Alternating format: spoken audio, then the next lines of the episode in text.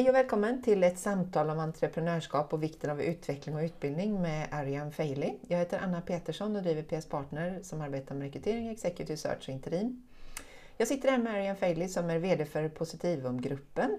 Eh, vi kom först i kontakt och jag fick frågan om att sitta i UFs jury förra året och eh, fick en första känsla för vad ni gör.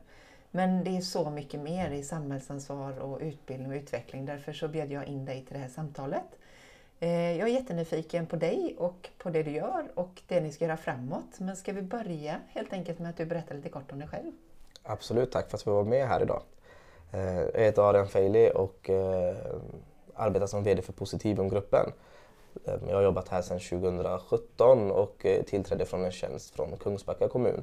Eh, men bakåt i tiden så eh, har jag jobbat med allt som har med socialt arbete att göra och utbildning i olika former. Eh, jag är uppvuxen i Angered i Gårdsten och kom i kontakt med socialt arbete genom föreningslivet först och främst. Dels med ett intresse kring fotboll och jag spelade fotboll i många år. Men sen jobbade jag väldigt många år i Gunnelse med ungdomar och tränade dem i fotboll. Och på den resan så, jag kan säga min bästa ledarskapsresa fick jag ju därigenom. Att träna unga killar i idrott är väldigt utvecklande. Speciellt också när det finns fler frågor än bara fotboll som du behöver hantera i vissa områden som Angered. Men det var otroligt lärorikt, väldigt lärorikt. Hur, var det, hur kom du in på det sociala ansvaret? För du valde att läsa vidare inom det och sen jobba. Precis, jag är utbildad socionom och pluggade till det direkt efter gymnasiet. Och jag gick på Angeredsgymnasiet och tog studenten där 2006 var det. Ehm, och i juni och så blev jag anställd på skolan i augusti. Där du själv gick? Där jag själv gick. Ja. Så att min eh, förra rektor hörde av sig till mig och då blev man ju väldigt nervös. När man har tagit studenten och precis kommit in på socionomprogrammet. Eh, och så ringer gamla rektorn och säger att ah, men du behöver komma in här på ett samtal. Och sa inte så mycket mer och man blev ju ganska nervös och tänkte men vad har hänt nu? Jag går ju inte ens på skolan. Eh, och så trampar man in där hos rektorn och Eh, det var ju inte så att jag fattade vad det handlade om när man kom in där. Det tog ju en stund. Eh, utan han pratade ganska mycket om läget på skolan och eh, till slut klämde han ur sig att ah, men jag skulle behöva en lärarvikarie och kan du tänka dig att liksom testa det? Jag vet att du är ung och, och de här bitarna men, jag tror att du skulle nå de här killarna ganska bra och tjejerna. Så vi började först om en termin där jag skulle hoppa in och vara dels idrottslärare men jag hade också eh, livskunskap skulle jag ha. Eh, och då hade jag ett gäng elever som behövde extra mycket stöd i livskunskapsfrågor. Eh, som... Nej men det handlade mer om eh, studiemotivation, eh, samhällsfrågor, eh, alltså elever som kanske började komma lite på glid. Mm. Eh, som behövde lite extra stöd. Mm. och jag blev ju bara glad, tänkte herregud extra knäck samtidigt som man kom in på socionomprogrammet. Det här är ju jättebra. Det var dubbelrätt. Det var dubbelrätt. samtidigt så jobbade jag ju i Gunnelse och tränade ungdomar i fotboll så många, många av de killarna och fotbollsspelarna man kände till gick ju på skolan. Uh. så att, och man själv hade ju gått där. Hur var det att vara så ung och, och ändå Nej, men det, var, det, det, var jätte, alltså I vissa sammanhang var det, var det bara självklart uh, med årskurs ettorna för där kände man till dem via fotbollen och idrotten. Men de som gick årskurs tre var ju jättekonstigt. Det var ju en av, min, ja, ja, en av mina vänner hade ju gått, valt att gå om ett år för att läsa upp sina betyg mm. och hamnade i min specialidrottsklass det var ju lite märkligt. eh, så. Det, det, var lite väldigt, väldigt märkligt. Men eh, det gick bra så jag jobbade kvar på skolan där under hela min eh, socionomtid medan jag pluggade. Ja. Eh, och när du var klar, vart hamnade du då? Jag hamnade på socialtjänsten på barn och unga. Mm. Eh, vilket var väldigt lärorikt. Men då hamnade jag i en organisation också som det var ett socialkontor i kris egentligen eh, och det var ganska medialt uppmärksammat på det socialkontoret för det var Uppdrag granskning och allt möjligt och då var man 22 år gammal. Eh, satt i ett socialkontor som behövde byggas upp från grunden igen. Och det var ju väldigt lärorikt. För jag har jobbat med rekrytering mot ja. den typen av... Och det som är utmaningen är ju att egentligen skulle man behöva få in någon ganska erfaren, trygg ja. i livet för att kunna hantera de frågorna. Men hur hanterar du det? Så ung, komma in, för det är ju svåra frågor man får hantera. Ska ett barn omhändertas? Ska Det är jättesvårt och, och, och, grejen är att eh, i vissa avseenden så var jag väldigt glad att jag hade väldigt bra mentorer mm. eh, som hjälpte en och vägledde en. Mm. Eh, samtidigt i andra frågor så kunde jag verkligen förstå, alltså i ungdomsärenden, tonåringar. Mm. Eh, absolut, jag var inte tonåring själv men det var inte många år sedan man var det. Mm. Samtidigt hade jag jobbat väldigt många år med ungdomar som hade någon form av, i vissa fall, utsatt social problematik. Mm. Inte alla men en del. Eh, och i det fick man ju hantera väldigt många frågor. Man fick diskutera med familj och nätverk och vänner. Och, så man hade gjort mycket av det här förebyggande arbetet. Mm. Eh, hade man gjort ganska mycket innan även om man var ganska ung. Mm. Eh, och det du var, kunde ta de besluten, hur var det? nej men, någonstans så handlar det ju om det, mycket av de här frågorna är ju lite också den moraliska kompassen. Eh, man vet ungefär, det är en kombination av att veta vad som, är, vad, vad som är rätt och fel, även om det kan vara svårt om man är ung. Eh, kombinerat med lagstiftning och eh, liksom forskning och, och att man också kan bolla med äldre rutinerade kollegor. Eh, men det som jag kunde se där det blev väldigt bra, det var ju de familjeärendena eller när man handlade tonåringar. Där kunde man ju se vissa perspektiv. Jag kunde lätt att knyta an till tonåringarna och jag fick också förtroende av föräldrarna. Att jag kunde nå fram till deras barn. Eh, och också kunde ha en viss typ av samtal med dem som jag inte var obekväm med. Eh, för att eh, det kändes naturligt. Jag var van att jobba med tonåringar. Eh, och där fick man ganska mycket förtroendekapital. Men samtidigt så insåg jag ju att det var ju inte myndighetsutövning jag ville jobba med. Utan det var ju behandling. Eh, jag var ju mer en behandlande socialsekreterare än en myndighetssocialsekreterare. Så att eh, då gick det vidare och så började jag jobba som eh, behandlare eh, på ett privat företag i Göteborg. Eh, och det var ju verkligen min grej, eh, att jobba med behandling. Eh, det man insåg där var ju att det är jättekul att jobba med ungdomar, att följa ungdomars utveckling och familjer och att kunna bidra till att det blir någon form av bestående förändring för dem är jättegivande. Eh, det som blev tydligt för mig var att det räckte inte att göra det i den lilla skara, skalan som jag gjorde det i. Utan jag ville ju kunna påverka fler individer eh, i ett större område. Eh, och det var ju där jag kände att okej, om jag jobbar som behandlare själv så kan jag påverka två, tre klienter som jag jobbar med. Men eh, har jag mitt eget team, då behandlar jag, inte, då behandlar jag fler människor genom teamet. Eh, och där och då så insåg jag att nej men vänta lite nu. Det, vill jag göra det här får jag göra det liksom i större skala. Då får jag också leda en grupp. Eh, och därifrån gick det ganska snabbt sen. Jag var 25 när jag fick mitt första chefs och ledaruppdrag. Eh, och sen gick det vidare eh, ganska snabbt. Eh, Vad hos dig tror du är det som dels kunna hantera de här tuffa situationerna? För du verkar vara en ganska rak person. Ja, men det skulle jag nog säga att folk säger, att jag är rak. Men jag tror någonstans att det också gör mycket med min uppväxt. Eh, det, ja, jag skulle, hade inte jag vuxit upp i Angered och haft den uppväxten jag, uppväxten jag har haft eh, så hade jag inte varit där, jag är idag. Eh, Och vad är det du tar med dig därifrån? Så? Alltså det är många frågor. Dels är det ju eh, rakheten. Eh, man säger som det är. Eh, och det handlar inte om att man vill göra någon illa eller att man vill utan det, det är en jargong som är rak. Eh, och för mig är det att, vara- att vara rak, att vara omsorgsfull. Eh, bryr jag mig om dig, då vill jag också att du ska veta hur jag upplever saker och ting. Eh, och vill jag hjälpa dig så kan jag inte liksom linda in det. Ja. För det hjälper inte någon av oss. Eh, utan det gäller att vara rak men samtidigt ge dig en känsla av att jag står här bredvid dig. Eh, och det är min upplevelse av min uppväxt. Eh, så att det har varit så med vänner, med omgivning, med föreningsliv, med skola, föräldrar, syskon och liksom hela det paketet. Tydlighet. Ja, tydlighet alltså, och att det finns en lojalitetskänsla. Man står bakom en. Eh, Du, du är aldrig ensam även när du har liksom gjort fel. Eller när du känner att du liksom håller på att tappa det så finns det alltid någon som står där bredvid dig. Men du kommer få höra det. Eh, Så du kan göra det bättre. så du kan göra det bättre. Eh, Så det handlar helt enkelt om att lyfta människor, inte liksom att, att, att det handlar inte om att rub it in their face, eh, så, utan det handlar mer om att, eh, att belysa det för att kunna ta det vidare. Eh, men- Och vad var det som lockade dig till Positivum-gruppen? Ja, men, eh, dels var det ju dera, eh, den ägargruppen som, som rekryterade mig, deras ambitioner. Eh, De vill vara mer än ett liksom, vård och utbildningsföretag. Eh, De vill vara en samhällsaktör, de vill ta ansvar för samhällsfrågor samtidigt som man bedriver bra verksamheter. Eh, Och det är ju, alla vill ju det. Och det är väl jättefint att säga det, men hur gör man det i realiteten? Hur gör man det i praktiken? Eh, Och jag har ju väntat på ett sånt projekt, eh, om man säger så. Du fick ihop hela din bakgrund på något sätt? Ja, och, det, och det som är intressant är ju att man pratar väldigt mycket om värderingsstyrda företag och, och, och vad innebär det? Eh, och, och för mig har det landat jättemycket i att eh, och, ett, man måste ha en plan. Eh, och vi har vår ambition. Vi, vår vision är att vi ska bygga ett bättre samhälle för de många människorna.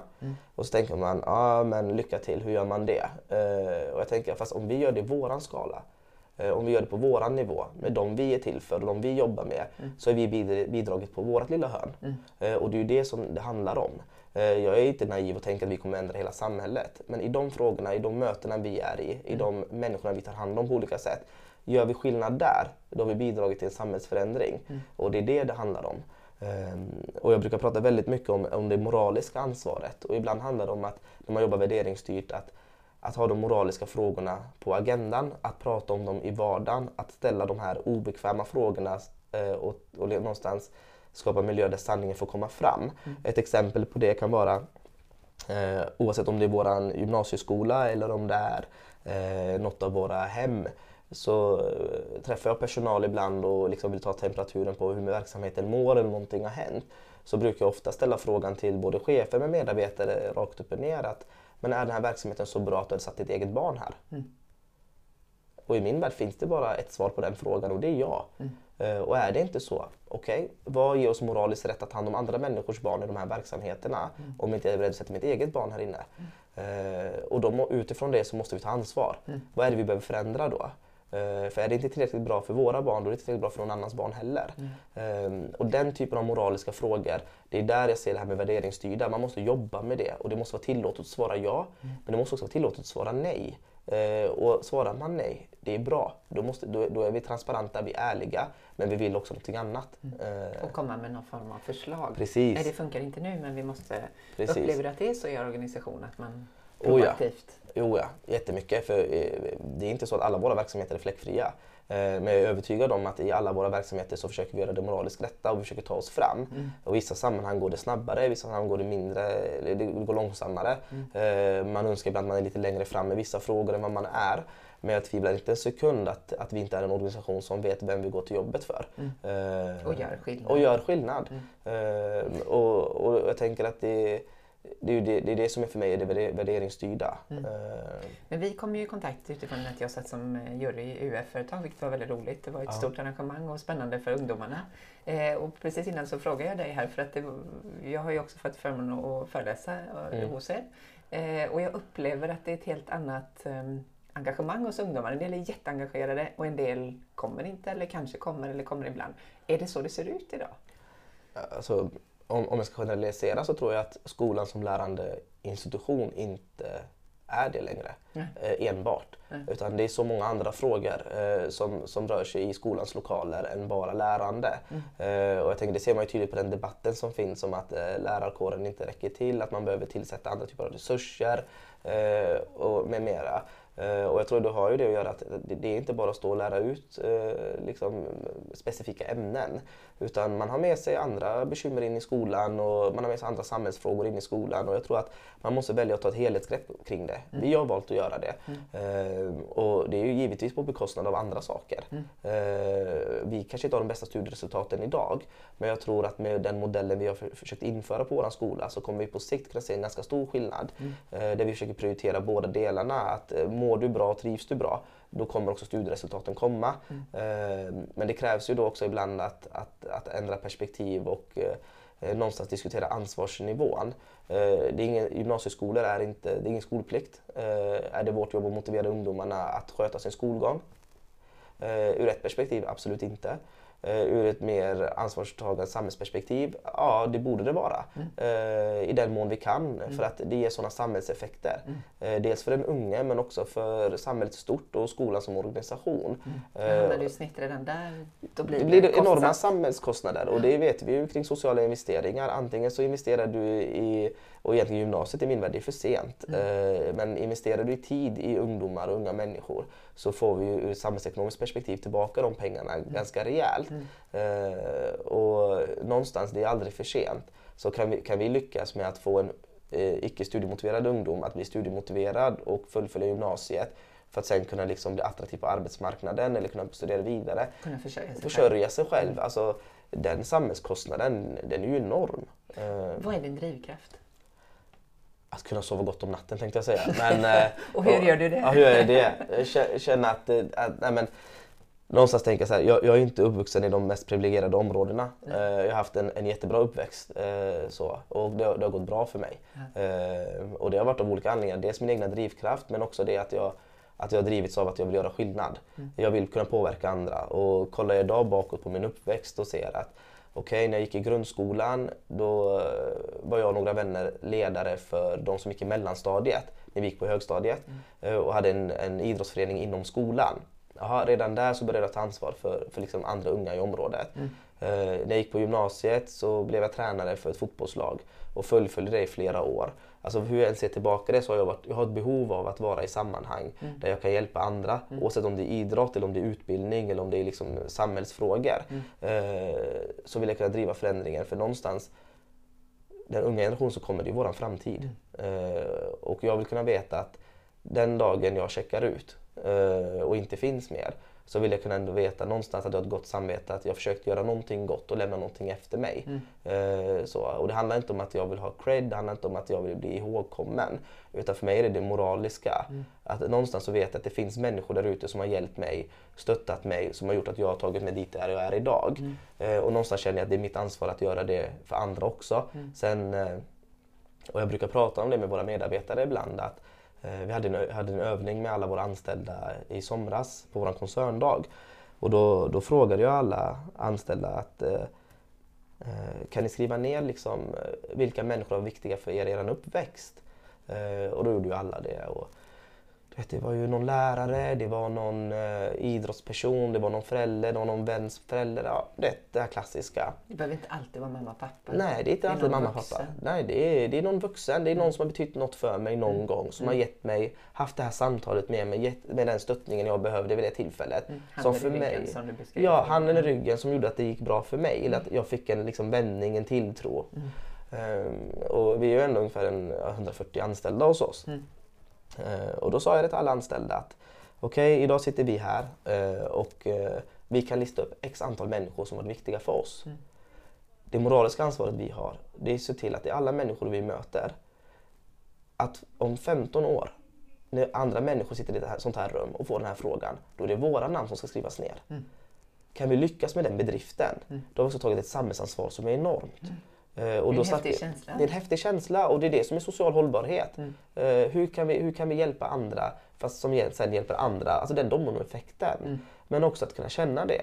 Eh, och jag vet ju vilka människor jag skrev ner på min lista mm. och jag vet vilka mina medarbetare gjorde. Mm. Eh, och jag tror att vi underskattar den kraften ibland. Mm. Jag tror inte det behöver inte vara så svårt. Det är inte så svårt. Det är, det, är, det är de personliga mötena, det är att jag stannar upp och frågar hur är det med dig? Mm. Att jag lägger ner den här lilla tiden. Mm. Men att någonstans att en vuxen investerar tid i mig. För vad är tid egentligen? Det, det är ju ett, det är ett värde. Mm. Eh, att stanna upp och fråga någon hur du mår, det innebär ju att någonstans har jag bedömt att du är viktig. Mm. Eh, jag bryr mig om dig. Jag bryr mig om dig. Jag ser dig. Jag ser dig och, och alla de här bitarna. Eh, kan du någon gång känna att det är övermäktigt? Det finns så många man skulle hjälpa. Ja, och det har jag kommit till freds med själv. Ja. Alltså, hur tänker du där? Nej, jag tänker någonstans att uh, ingen kan rädda världen. Uh, och jag kommer aldrig rädda världen. Uh, och min intention är inte ens att rädda någon. så, I en bästa värld så finns inte sådana typer av verksamheter som vi bedriver. och man ska inte behöva tänka i de banorna som jag tänker i de bästa världar. däremot så tänker jag bara att jag vill inte hamna i en situation någonstans där jag vet att jag kunde ha gjort någonting annat. Har jag gjort allt jag kan? Ja, skulle jag ställt den frågan borde jag stannat upp och lyssnat. Och jag vet ju idag att i vissa av våra verksamheter så känner jag inte att, att, att jag kan sova gott om natten ibland. Mm. Uh, och i vissa verksamheter gör jag det jättebra. Mm. Uh, men det handlar hela tiden om att försöka ta ansvaret. Mm. Man kan ju välja att bara skita i det. Uh, men jag tror någonstans att det handlar om att i det lilla vi gör, där, där jag har någon form av påverkan mm. i min yrkesroll, men också som privatperson, att det räcker gott och väl där. Mm. För om alla aktörer och liksom alla i, i, i, branschen och liksom alla branscher försöker ta sitt lilla samhällsansvar, mm. det är en enorm kraft. Mm. Uh, men jag tror framför allt att vi, hur vi ser på samhället idag, unga idag har inte lika mycket framtidstro. Uh, och då får man ju ta ett aktivt val. Antingen så ger jag dem framtidstro genom att investera tid, tankar och resurser i dem. Mm. Uh, eller så är jag inte det.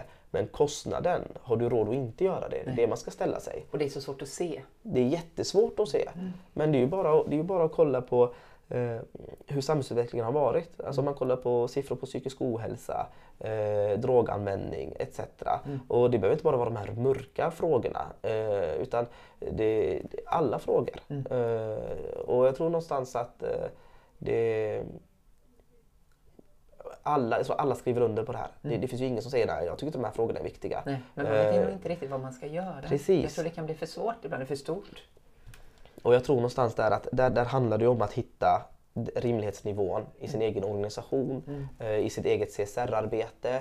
Eh, att, att hitta en rimlighet i det men också att förstå att det är, inte, det är inte de stora resurserna, det är inte de stora pengarna det handlar om. Utan ibland handlar det bara om att eh, vad hade hänt om, om, om man som företag eh, vänder sig till ett, eh, om vi tar ett socioekonomiskt utsatt område och tar en sjundeklassare som eh, i ett mentorsprogram Mm. eh, för att ge dem framtidstro och knyta dem an till sitt bolag eh, och liksom kanske investera en peng i extra läxläsning. Absolut att det är kommunen och, och eh, alla andras ansvar kan man tycka. Men om man väljer att göra det, Mm. den sociala investeringen man gör som företag, det är inte många kronor.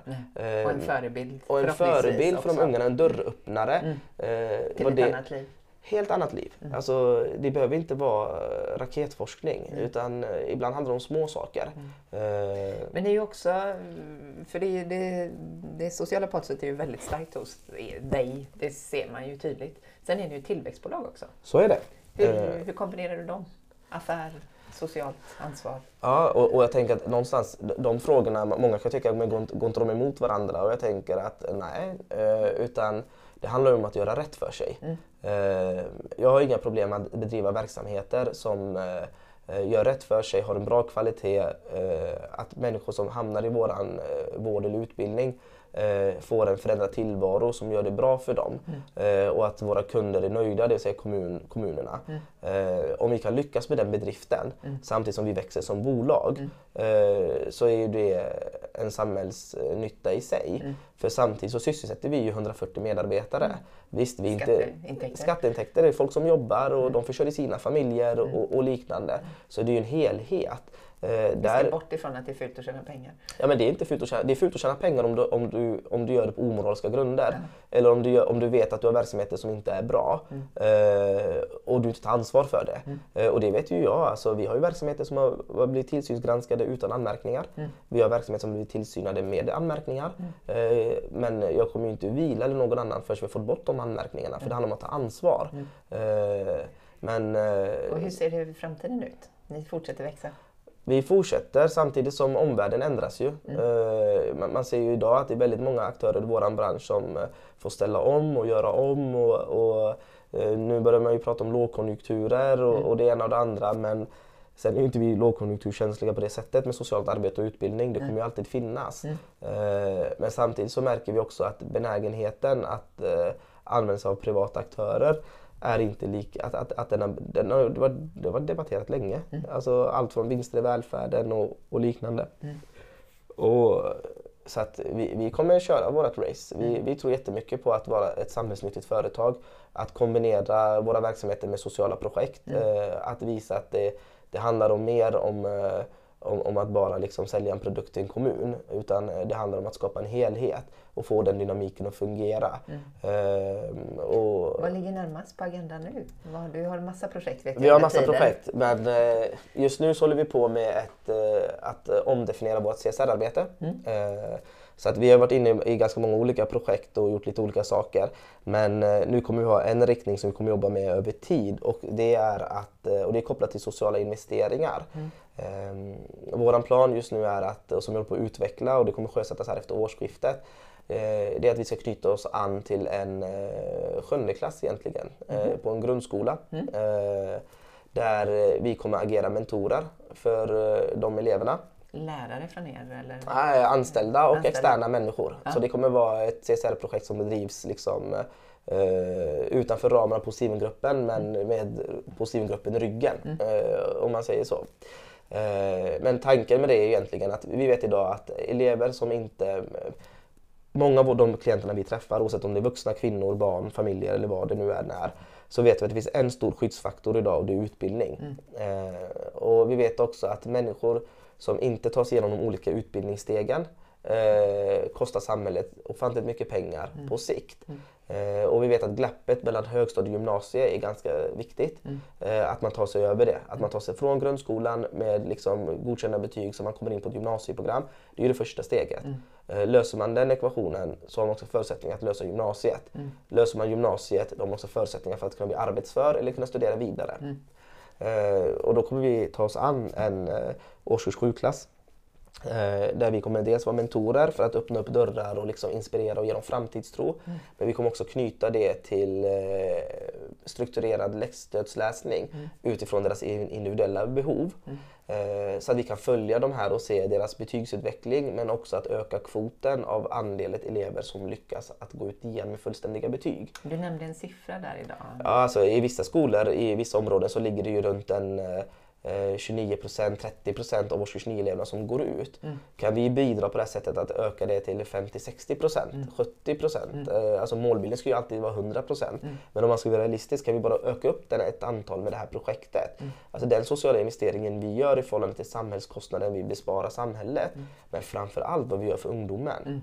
Eh, Du satte någon prislapp även på Ja men det är miljonbelopp. Ja. Det är miljonbelopp. Alltså elever, elever som inte går ut eh, grundskolan, vad de Mm. kostar samhället. Alltså det, det är flera miljoner. Ehm, så att det här är ett projekt som jag håller på att jobba väldigt hårt med just nu och, och engagerar en del människor runt omkring. Mm. Ehm, och någonstans så är det våran... eh, Vi har landat i att vi ser ju idag att hade man gjort en del sociala investeringar så hade inte en del av de ungdomarna, klienterna, människorna vi möter kanske inte hade behövt våran hjälp. Ja. Eh, Så det här är också ett sätt för oss att förebygga att vi själva finns. Och det kan ju låta jättekonstigt rent affärsmässigt. Ni jobbar bort det själva. Vi jobbar bort oss själva. Ja. Eh, Sen, sen vet man ju inte dummare så vet att vi kommer alltid behöva finnas i någon form. Ja. Men eh, vi har landat i det här att ja, men, ska vi behöva finnas egentligen? Ja. Egentligen inte. Det vore ju fantastiskt. Det vore inte fantastiskt. Så. Vilket Eh, mål. Ja, det är trist. Ja, trist att bli arbetslös sen bara, men det löser sig förmodligen. Då är du pensionär, Då är jag nog det- pensionär. Ja, det löser sig. Herregud. Kommer Men- vi att få höra mer om det här projektet? Det eller? kommer ni definitivt att, att få göra. Ja. Och, och, och det, det ska bli väldigt kul att få sjösätta det efter årsskiftet. Mm. Eh, Så. Så vi får Så kolla, be alert efter Be alert får man vara. 2020. Så är det. Ja. det. Så är det verkligen. Om vi nu skulle summera det, vårt samtal, viktigaste lärdomen fram till idag?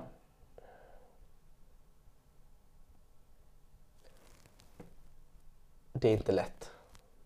Det, det, Livet är inte lätt. Nej, det är inte lätt. Och det är inte meningen att det ska vara lätt heller. Nej. Eh, jag, jag tror någonstans att eh, det jag har lärt mig det är att inget är som du tror. Nej. Utan eh, man, man får vara ganska vaksam över och vara väldigt agil i sin egen livsresa. Jag tänker, hade jag vetat det jag visste idag för fem år sedan, då hade jag inte gjort på samma sätt. De här klassiska li- livsläxorna om man säger så. Mm. Samtidigt så tror jag också att eh, det jag har hittat i om folk frågar mig Adam, vad jobbar du med när jag jobbar som chef och ledare? Eh, det är det jag gör. Alltså, jag, jag är inte socionomen Arian längre utan jag har gått förbi det stadiet.